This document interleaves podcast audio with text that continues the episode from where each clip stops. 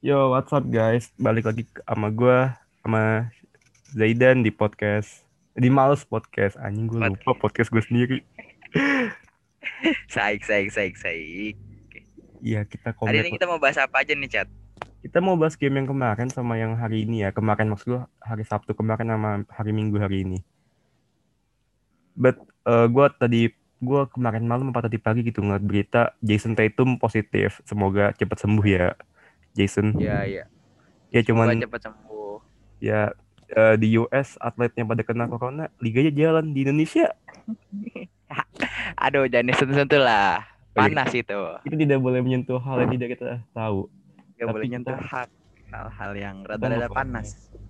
game oke kita bakal membahas game yang kemarin dulu ya Eh, Iya, iya. mungkin game yang pertama eh, Phoenix Suns against Pistons Detroit oke eh, Jeremy Grant kemarin gokil sih 31 poin. What monster dia kemarin. Eh, kemarin tuh Suns sempat leading 54-31 di pertengahan kuarter 2 tapi sayang banget kayaknya di game ini mereka nggak bisa jaga momentumnya sampai akhirnya di sisa 3 menit 20 detik di kuarter 3 apa ya? Gap mereka berhasil disamakan oleh Derrick Rose 70-70 di kuarter 4 and then game eh, gamesnya lanjut games games on and ya sempat di kuarter 4 di akhir akhir kuarter 4 Cameron Johnson with with a three point and pas break yang Michael Bridge sempat bawa Suns lagi leading 93 89 di sisa 1 menit 29 detik di kuarter 4 but sayang banget yang tadi gue bilang ya kayaknya Suns lagi nggak bisa jaga momentum aja Iya nih, Suns lagi terpuruk lah karena mungkin dia udah ngerasa di atas puncak kemarin. iya Langsung hari ini disalip. Ya, ntar. Eh, Lanjut lanjut, Chat. ya even mereka sempat leading 93-89 di sisa apa ya di sisa 20 di sisa 20 di sisa sisa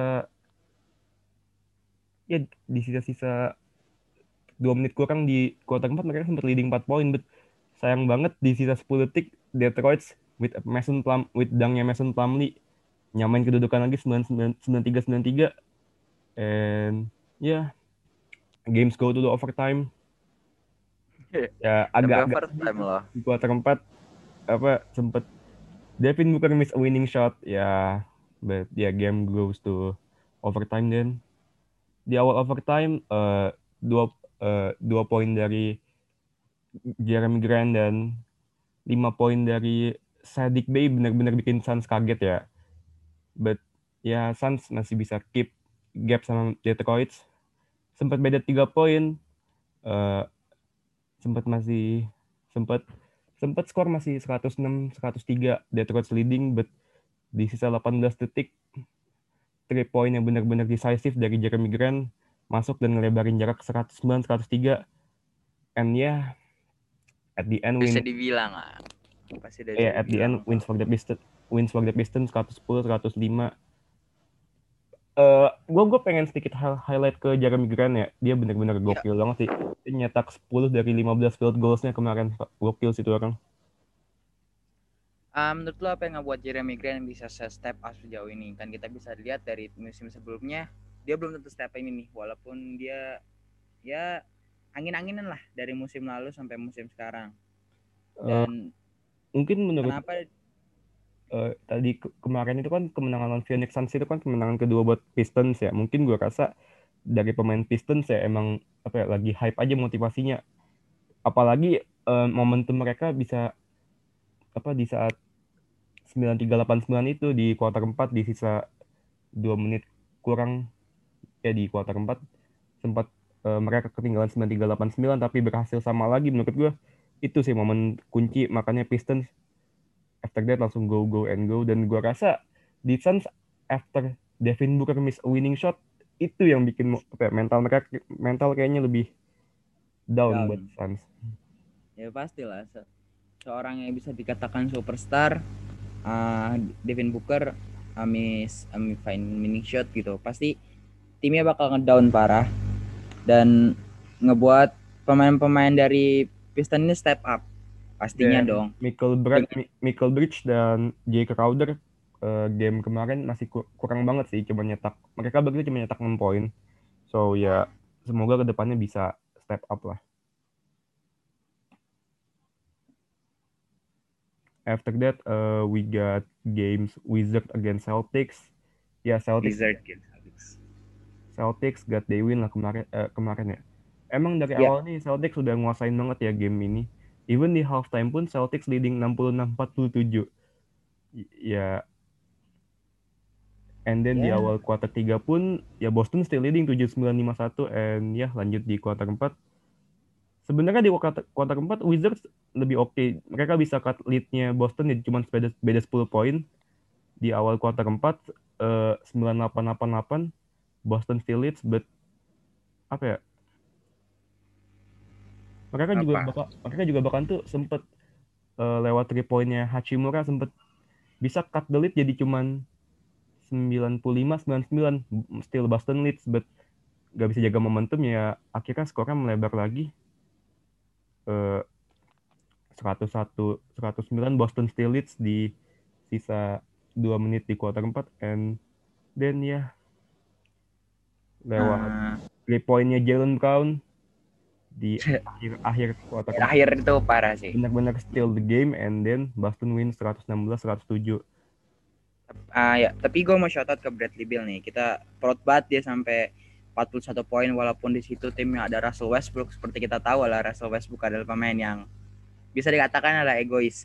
Tapi di sini mungkin keegoisannya bisa kalah sama performa tim dari uh, Washington Wizard ini karena seperti kita lihat komposisi dalam tim ini lumayan Oke. bagus. Oke sebenarnya. Bagus tapi tapi ya mungkin Russell Westbrook harus menurunkan egonya. Seperti yang kita tahu dia sampai sekarang belum dapat the rings. Dia pindah kemarin ke uh, Rockets. Malah bisa dibilang menghancurkan performa dari Rockets walaupun mainnya biasa hmm, lumayan lah ya tapi menurut gua kehancuran Rockets kemarin tuh karena memang apa ya Mike D'Antoni menurut gua agak salah sih mau main small ball. Dan menurut gua uh, menukar CP3 dengan Russell Westbrook itu adalah kesalahan yang lumayan fatal agak karena agak blunder sih menurut gua karena dia udah punya scoring score seorang James Harden dan tiba-tiba mendatangkan scoring score lagi seorang Russell Westbrook. Dua superstar dalam satu tim ini udah pernah kejadian di zamannya GSW sama GSW waktu Curry kedatangan seorang Kevin Durant dan itu menghancurkan GSW. Walaupun awal-awal ya, awal-awal dia menghancurkan ya GSW di awal sempet gak gak nyatu di awal sama gambling, tapi kan Curry kita mereka tahu juara juga kan GSW Ya, Gitu. tapi kan kalau kalau kita ngomong Rockets nih kayaknya emang parah sih. Dan kita tahu rukinya what the fuck dia main 14 menit dengan 0 poin tuh kurang sih. Deniat Vija yang lu bangga-banggakan awalnya. iya tuh kan game kemarin di game hari ini Oke oke oke. Lanjut chat. Eh, mungkin lanjut ke games yang kemarin itu seru banget ya Lakers versus Chicago Bulls. Chicago Bulls. Bulls leading di awal kuarter 1 33-28 ya good lah buat mereka leading 5 poin. Lanjut lagi kuarter 2 emang Lakers Lakers di awal emang kayak agak belum belum nemu aja ritmenya apa. Davis aja Davis kan eh, game kemarin belum gak main ya? Gak main gak main. apa ya Lakers Seorang leading LeBron. second quarter with one point lead 59-58 and then lanjut kuarter 3 ya Bulls startnya menurut gue bagus ya bahkan mereka sempat leading 65-59 sebelum before LeBron makes an fadeaway shot mungkin kalian kalau ngeliat IG kalian banyak banget Itu video-video rame banget sih yang kata Wih. LeBron di di mas ah, dia shot to ah, ring and lay up in good. ya but ya ya LeBron. still not enough lah buat buat Chicago Bulls. And then ya. Quarter Ya, quarter quarter 3 tiga. ends with Mulai menurun. 9288 uh, Lakers still lead and then go to quarter 4 Lakers di awal emang ngegas sih. Iya Mereka emang bahkan gas di awal banget. awal sampai mau menuju pertengahan kuarter 4 pun sempat leading 12 poin 102-90 but after that Chicago have a good defensive play pertahanan mereka lebih rapet. And then cut the lead with just only 102 105 uh, Lakers still lead after that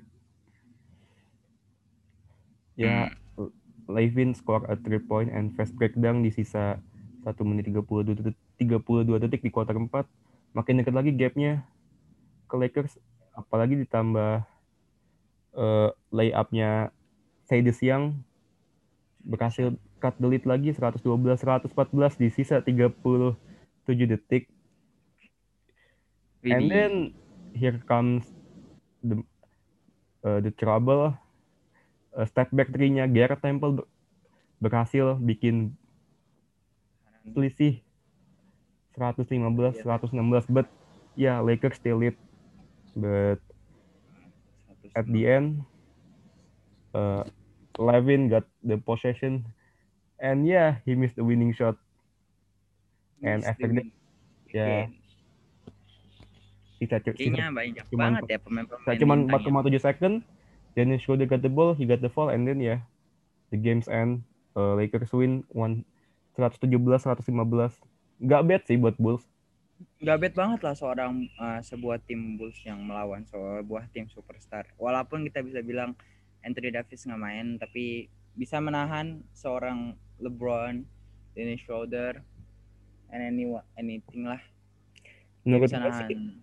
uh, Lakers ini harus punya apa ya sek, uh, second second second scorer option ketika antara LeBron or Davis gak main.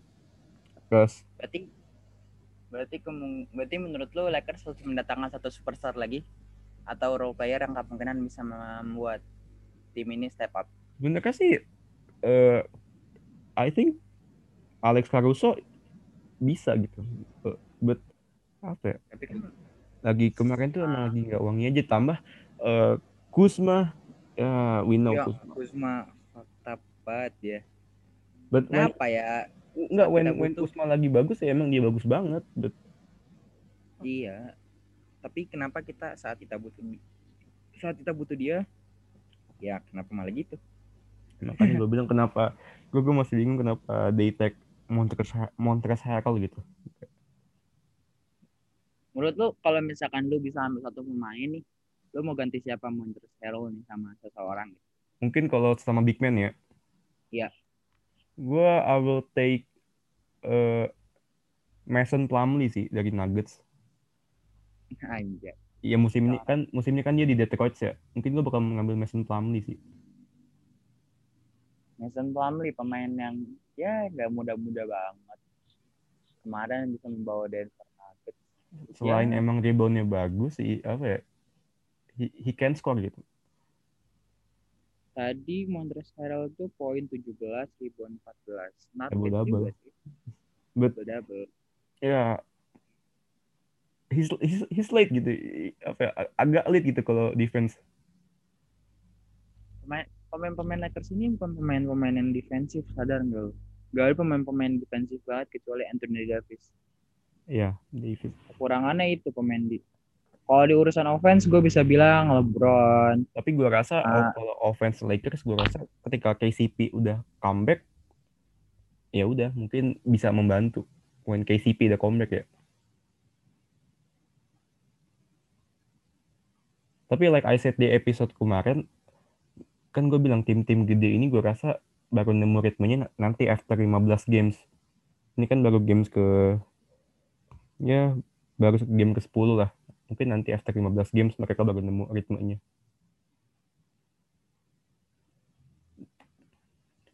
Ditambah lagi kan apa ya ya di US kan juga lagi banyak kasus-kasus juga kasus-kasus corona. Jadi kayak mungkin mereka masih nyamain aja apa e, kondisinya.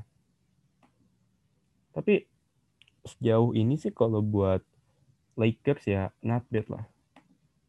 Selama they can they can keep their possession selama mereka masih bisa jaga.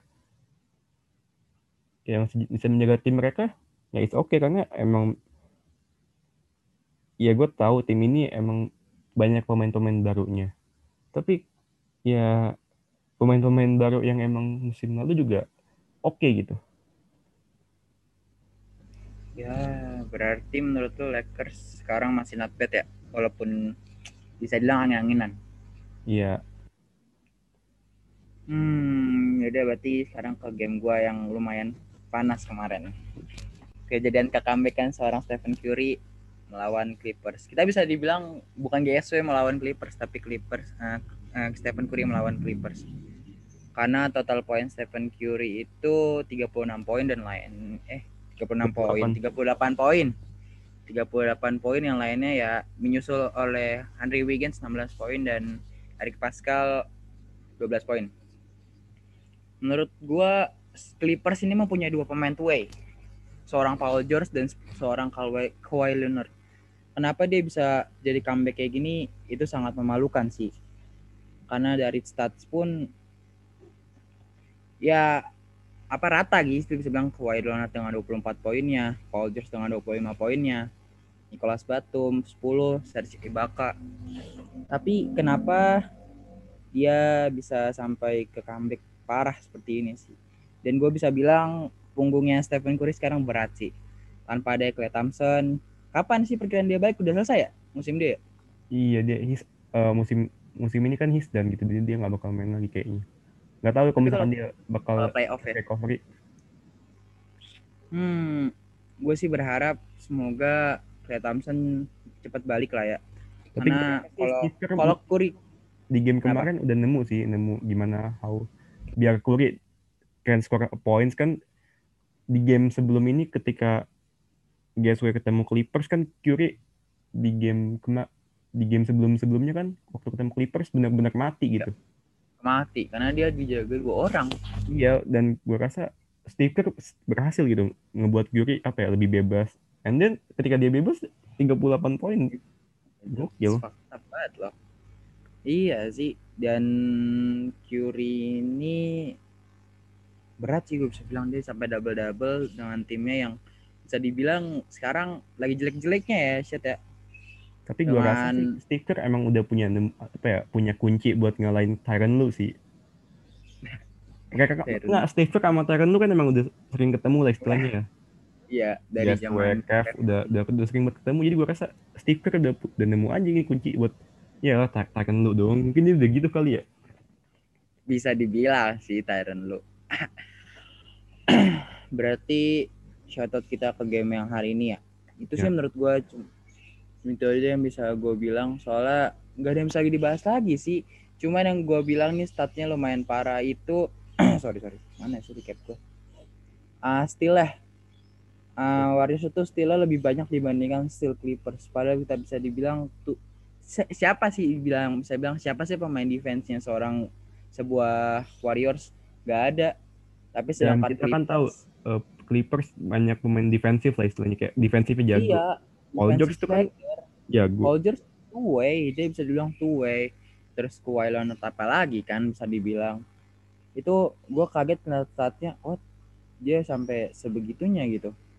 Uh, and then well, Serge Ibaka back when his day on Raptors itu kan emang paint protector yang gokil. Paint protect banget.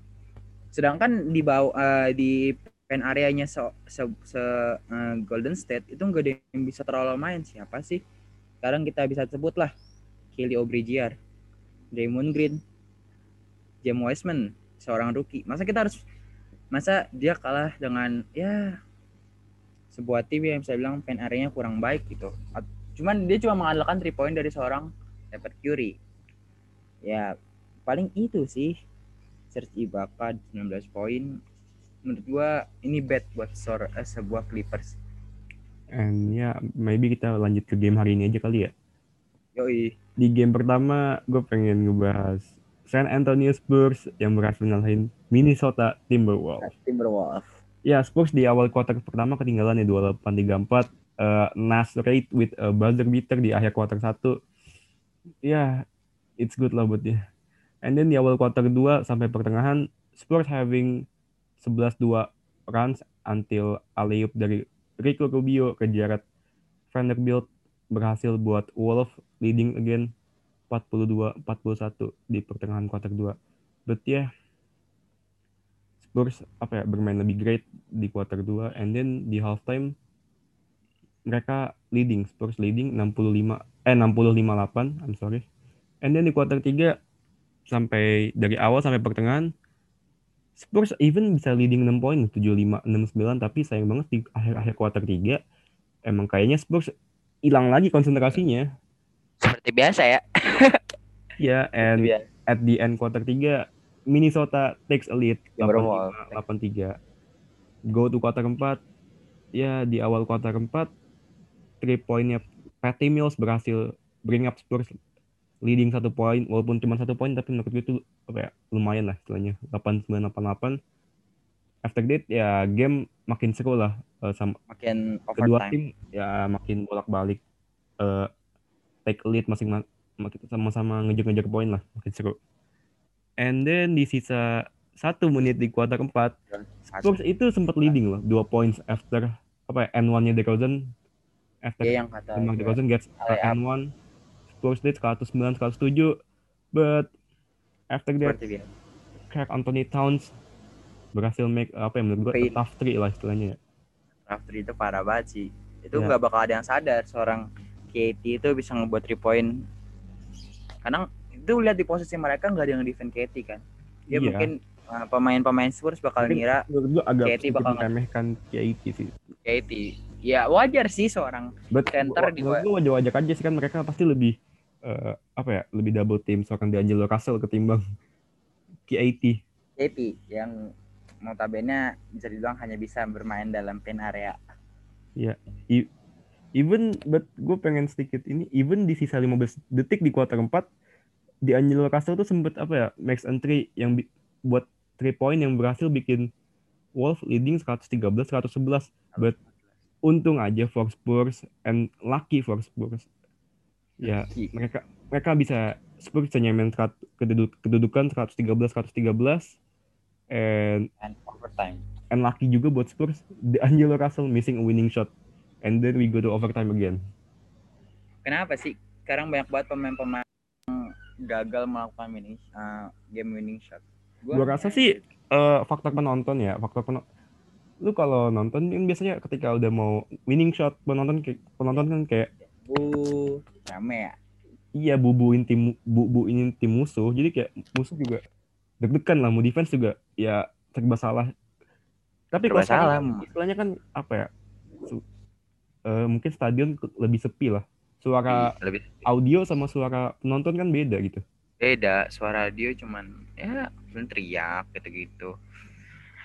Lanjut chat.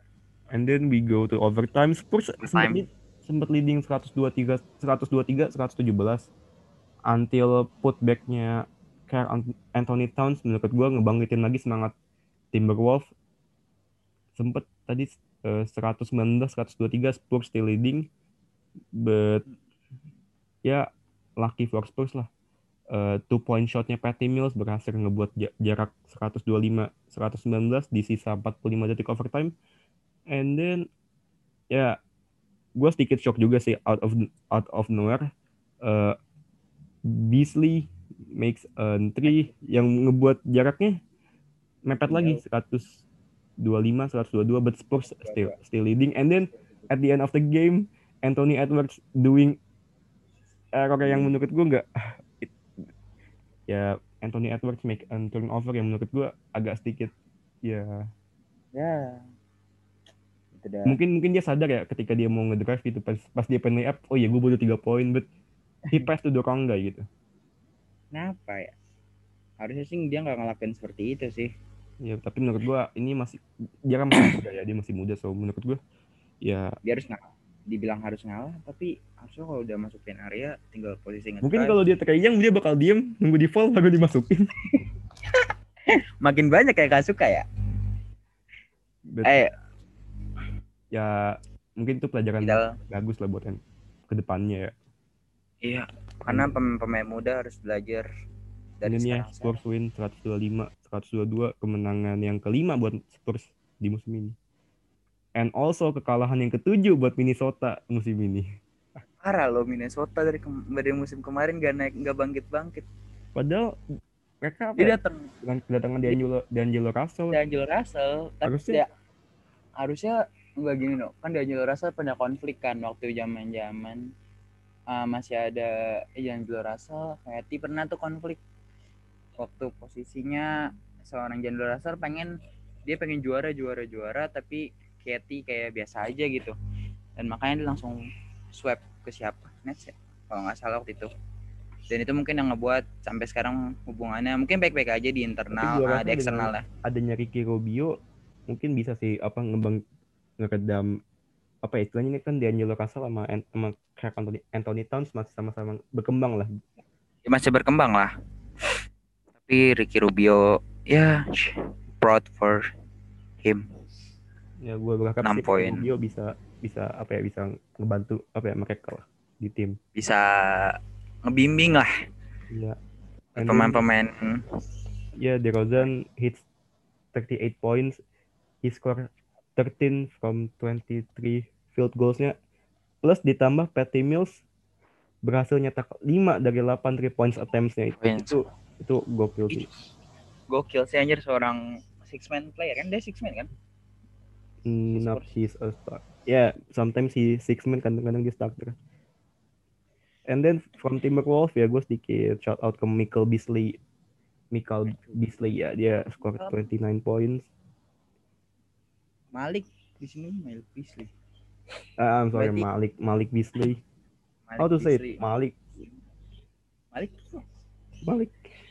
Malik ini seriusan di gue Malik uh, but kalau gue bisa bilang Spurs ini bakal bangkit kalau misalkan kita berharap Demar Derozan ini bakal fit untuk bisa bilang ya dia bisa selama inilah buat fit ini kalau kalau sampai terjadi uh, jangan sampai lah Demar Derozan cedera lagi dia bisa ngebuat performa Spurs up dan up down lagi Tapi Kan- menurut gua apa ya? Calden Johnson kalau tetap bisa main kayak apa ya?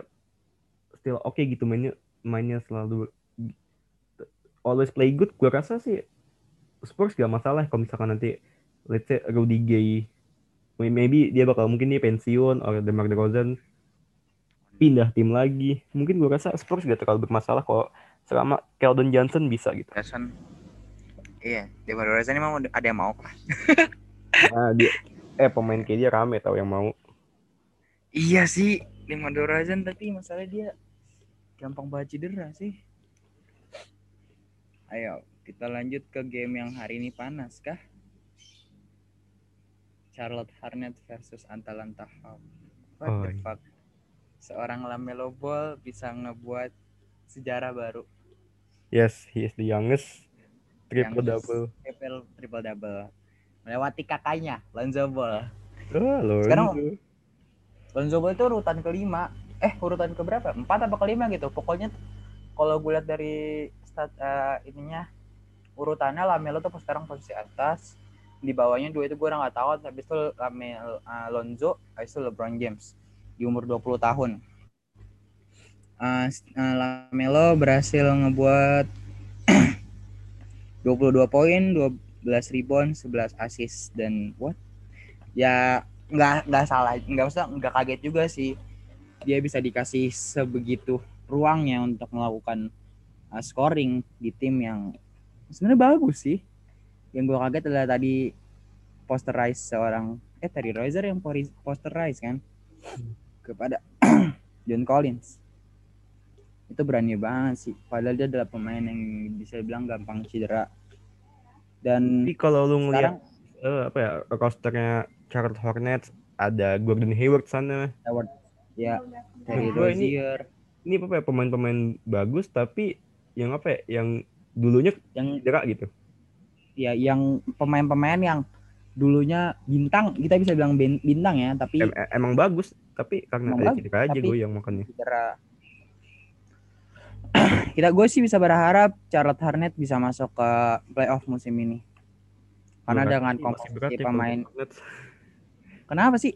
Sekarang nih dia udah punya Garden Hayward yang apa ya pengalaman di playoffnya lumayan banyak PG Washington Terry Rozier Jin- dan uh, Devonte Graham biasa aja sih basic Biom Miles Bridge gitu dan kita shot ke Atalanta Hawk ada apa dengan Atalanta Hawk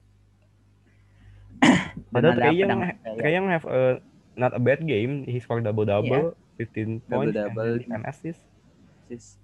DeAndre Hunter dengan 20 poin, 8 rebound dan 1 asisnya. Josh John Collins Collins. yang ya kok double doubles juga. Double. Tapi gue rada males sih itu tadi di posterize oleh Terry Rozier. Cam Reddish dengan 20 dan kalau lu bisa dimilih nih Charlotte Hornets atau Atlanta Hawks yang bakal masuk ke playoff. Gue bakal milih Atalanta. Berat Atalanta. Atalanta. Still Atalanta because apa ya? Trae Young emang dari musim lalu mungkin oke, mungkin musim lalu because Vince Carter pengen pensiun mungkin apa ya? Dia dia mungkin ya they want they mungkin maybe they want to go higher but ya respect to Vince Carter ya. mungkin gitu Terus, but Berarti sama kayak zaman-zamannya saat Kobe mau pensiun ya. iya but Banyak banget player-player yang mengalah untuk Kobe. Ya tapi kalau lu lu lu, lu kalau lu lihat Spurs nih, legendnya Tim Duncan, Manu Ginobili itu semua pensiun pas playoff anjir kan. Last game-nya playoff. Eh, iya apa? Iya, Kan? Man- Manu Ginobili eh, pensiun eh, waktu playoff ketemu Golden State. Tim Duncan pensiun waktu game playoff ketemu OKC. Berarti kita bisa berharap lah kepada Atalanta Hawks. Gue harap sih Trae Young apa ya selama dia nggak peduli omongan-omongan pelatih dia soal game dia, gue rasa sih bisa-bisa aja. Semoga sih, karena gue pengen banget melihat di playoff itu banyak-banyak pemain, eh banyak-banyak tim-tim yang kita nggak kira-kira bisa masuk ke playoff. Gue sih Ya. berharap itu sih. Gue juga sih. And then gue go ke gamesnya uh, Washington Wizards against Miami Heat. Wizards yang game hari ini without Westbrook and Bill, padahal Bill lagi on fire ya. Bill- Sayang banget. Dia dia harus katanya dia harus pindah dulu karena kemarin dia langsung ngo langsung apa ya langsung kontak dengan Jason Tatum yang hari ini di positif corona corona. Iya, iya, iya orang at- atlet luar pada kena corona, liganya lanjut di Indonesia. Oh, nggak lanjut lanjut. Hey hey hey, jangan jangan disentuh-sentuh dong. Nggak dong. Gak dong. Ya iya sayang sih Liga, liga aja nggak lanjut apa DBL-nya. Iya aduh, jadi ngomongin DBL apa? Ya udah, Eh ya. kita bahas game Wizards against Heat. Di awal-awal Heat bisa leading 18-11, but gue ngerasa Wizards emang fight banget di, di akhir sih, em, until cut leads-nya Heat jadi cuma selisih 2, 2 poin, 36-38, Heat still leads, and then ya quarter 1 ends, 47-44, Heat leads, and di pertengahan, then we go to quarter 2, di pertengahan quarter 2, Wizards sempat leading sebentar, 65-8, sebelum shootnya Butler bisa nyamain skor lagi. And then yeah, at the halftime Miami still lead 75-71 go to quarter 3 hit doing great Eh, m- mereka even bisa bikin jarak 97-80 ya gue gue sedikit ap- apa ya proud buat Jimmy Butler ya. Dia dia berhasil apa ya finding space and giving assist buat temen-temennya. And then ya end of quarter 3 hit leading 103-86 go to quarter 4 ya hit still apa ya istilahnya? Still the game. ya still nguasain the game lah. Until akhir akhirnya di akhir akhir quarter 4 Wizards menurut gua did great ya. Wiz but nggak cukup aja. Wizard even Washington Wizards pun sempat cut lead-nya hit jadi cuman 127 122 but sayang banget tadi three point-nya Troy Brown Jr. miss and yeah after that games end hit wins 128 124 but gue agak seneng sih because finally gue bisa ngelihat Danny Avdija Nanti ya 20 poin. Oh, gue kaget sih. Gue kira dia masih butuh waktu. Dia langsung 20 poin, 5, 5 ribu dan 5 assist. Ya gue rasa emang gara-gara si Westbrook aja aja. Kenapa sih satu tim yang sama Westbrook itu langsung kena mental gitu? Kenapa langsung jatuh gitu posisinya? Padahal dia mempunyai uh, caps, eh, mempunyai pengalaman gitu di university dan kenapa dia sorry jatuh? Avdija itu Euroleague dia deh Oh Euroleague. Iya. Ya maksudnya berarti dia malah mungkin malah punya lebih pengalaman lebih kan? gue rasa Danny Avdija kalau misalkan dia kemarin di trade-nya sama tim yang kayak maybe Golden State mungkin dia lebih bersinar ya. Kes, apa ya leadership Curry itu oke okay gitu menurut gue leadership seorang Stephen Curry nggak usah ditanyain lagi sih. Ya gue rasa sih kalau ngeliat di... statsnya Denny Avdija hari ini gue rasa sih emang gara-gara Westbrook aja. Westbrook nggak main kan? Iya tapi iya gara-gara Westbrook gak main makanya Denny Avdija bisa step up Iya sih, karena mungkin dia takut posisinya sama Westbrook. Kalau macam-macam ntar di posterize ya lagi-lagi pas latihan. Tapi yang gue kaget Tyler Hero, gue sih kakak kaget sih Tyler Hero bisa bikin 31 poin, 9 rebound dan satu assist di bawahnya Jimmy Butler. Dan ah, akhirnya kita bisa ngelihat uh, bukan yang akhirnya misalnya sih dari musim lalu kita bisa ngelihat Jimmy Butler ngalah lah. Karena zaman-zaman dia oh dia main di Sixers, terus Chicago Bulls, uh, emang, Minnesota tim. Emang Miami Heat ini apa ya? bisa membuat pemain jadi patuh gitu. Iya. Mungkin dengan ya di Wayne Wade aja patuh gitu. Wayne Wade. LeBron James. Wade, Chris Bosh itu kan udah patuh semua waktu nyampe di hit. Tahu ya kenapa? Ya? Padahal posisi itu LeBron masih muda, di Wayne Wade juga masih muda. Bisa patuh ya? Ya, yeah, maybe we have to go to game selanjutnya. Apalagi Zay? uh, Denver Nuggets 76ers. Yes. Gue baca kemarin, uh, kemarin tuh ada gue baca uh, 76ers dia cuman eh, ada berapa pemain? Tujuh pemain dan peraturan di NBA itu cuma uh, buat main dalam satu game itu ada 8 pemain. Jadi kita harus ya jadi paksain hari ini dipaksain banget sih. Tapi untungnya uh, Trimax sih itu dia bisa bikin wow 39 poin apalagi 7006 assist. Still yang itu dia masih muda. Ya, masih muda kan? Yap. Jual. Berarti berarti dia bisa ngebuat tim yang bisa bilang lagi jatuh-jatuhnya sekarang ya. Nah, set Curry Corona, terus Ben Simmons cedera, Joel Embiid. Ya bisa dibilang pakar-pakarnya gitu dia cedera. Dan al dan kita yang bilang kemarin Danny Green dan Dwight Howard akhirnya bisa ngebawa timnya ini sih walaupun dia cuma selesai dengan Danny Green selesai dengan 11 3 5 dan Dwight Howard selesai dengan 11 double. Ya, 11 as uh, Dwight Howard selesai dengan 11 poin, 11 rebound dan 2 assist. Untungnya sih untuk gua kira kebantai. Soalnya what the dia cuma bisa main dengan 7 player tapi tapi dia bisa maksain dan ini pernah kejadian waktu zaman-zamannya Golden State waktu itu. Dia cuma bisa main dengan 6 pemain. Tapi dia paksain dan ya hasilnya kita bisa tahu sih. Kalah. Tapi kalau gue ngeliat James hari ini ya ya emang good sih.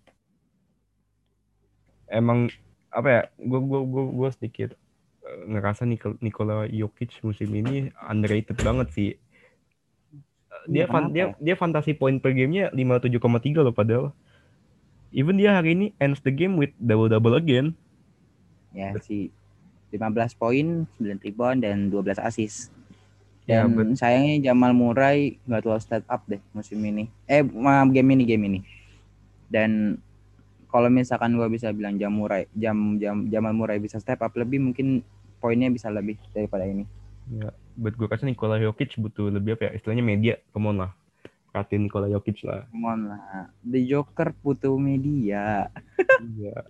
Jangan jangan Lamelo mulu lah bosan gue ngeliat gitu Lamelo walaupun dia hari ini triple double parah sih triple double dengan ya scoring leading score ya. Ya. Gitu. Ya. Mau bahas apa lagi and then mungkin ya last game yang bakal kita bahas uh, Dallas Mavericks or Orlando, Orlando Magic ya uh, tim Hardaway Junior have a good game hari ini harus gue akuin. He 26 poin. 26 poin. Baru baru kemarin kita bilang ya, tim Hardaway Junior ini angin-anginan lah dari musim lalu, tapi sekarang dia bisa dia bisa pemain yang ketika apa ya istilahnya timnya kena kena mental. apa ya, ya dia bisa ngangkat mental pemain lagi. Iya. Luka Doncic selesai dengan triple double lagi. 20 poin, 11 rebound dan 10 assist. Ini gua gua gimana ya ngebilang Luka Doncic ini bakal masuk contender buat masuk ke MVP sih pastinya. apalagi dia sejauh ini kan apa uh, stats poinnya ya, sa- top 5 tertinggi lah sejauh musim ini Iya. Jauh musim ini dia, dia masih posisi tertinggi. Dan ya for Magic ya ya ya udah ya istilahnya Aaron Gordon, Nikola Vucevic. ya Sekarang makanya kalau- kemarin kemarin gue ngomong Nikola Vucevic malah Victor Oladipo anjir Victor Oladipo di mana, Bos? iya gue mirip-mirip namanya Vucevic Victor Per Vucevic. Jordan Bond, Mobamba. Kenapa Mobamba nggak main ya? Dia cedera ya Mobamba? I don't know gue gak terlalu ngerti mau bamba. But yeah that's our today.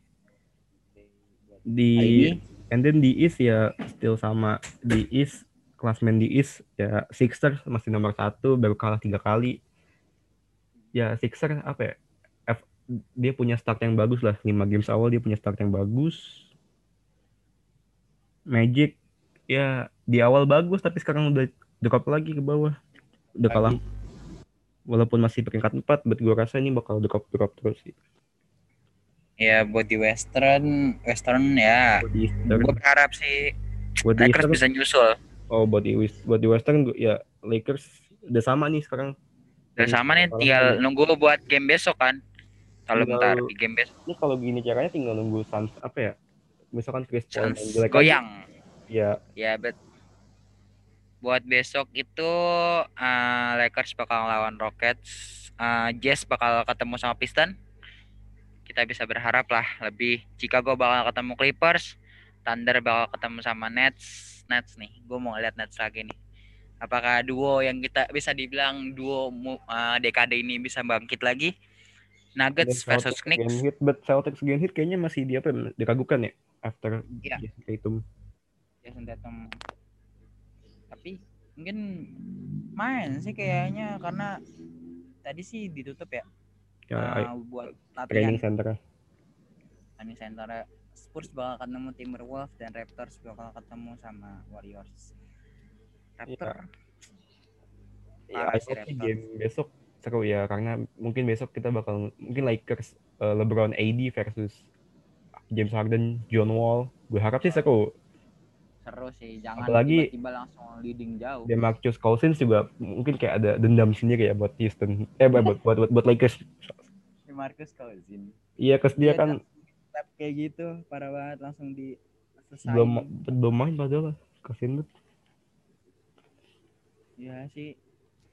Hmm oke paling itu ya aja. mungkin ini apa ya di end of our podcast. Apa buat kalian yang dengerin jaga-jaga kesehatan ya jangan corona sekarang lagi lebih galak.